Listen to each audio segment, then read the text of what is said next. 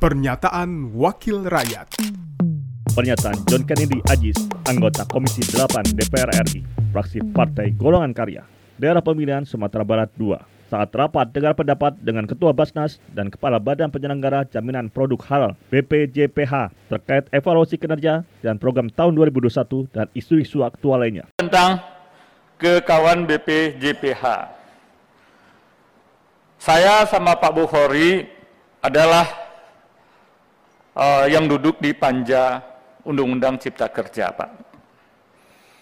Undang-Undang Cipta Kerja tersebut banyak membahas tentang sertifikat halal. Semenjak undang-undang itu diundangkan, Pak, yaitu Undang-Undang Nomor 11 Tahun 2020 kalau tidak salah. Saya tidak mendengar dan tidak melihat langkah-langkah dari BPJPH untuk mensosialisasikan bagaimana masyarakat untuk mendapatkan sertifikat halal, Pak. Saya setiap turun ke dapil, selalu mereka menanyakan berapa lama sih pengurusan sertifikat halal itu. Yang konon katanya sangat mudah, hanya sekian hari saja. Tetapi masyarakat belum tahu, Pak. Nah, bagaimana mas, bagaimana BPJPH mensosialisasikannya itu seiring dengan Undang-Undang Cipta Kerja itu. Apalagi terhadap kawan-kawan masyarakat yang UMKM. Apakah masih masih sulit seperti sebelum terbitnya Undang-Undang Cipta Kerja atau bagaimana? Saya sampaikan sekarang sangat mudah untuk mengurus itu. Hanya sekian hari.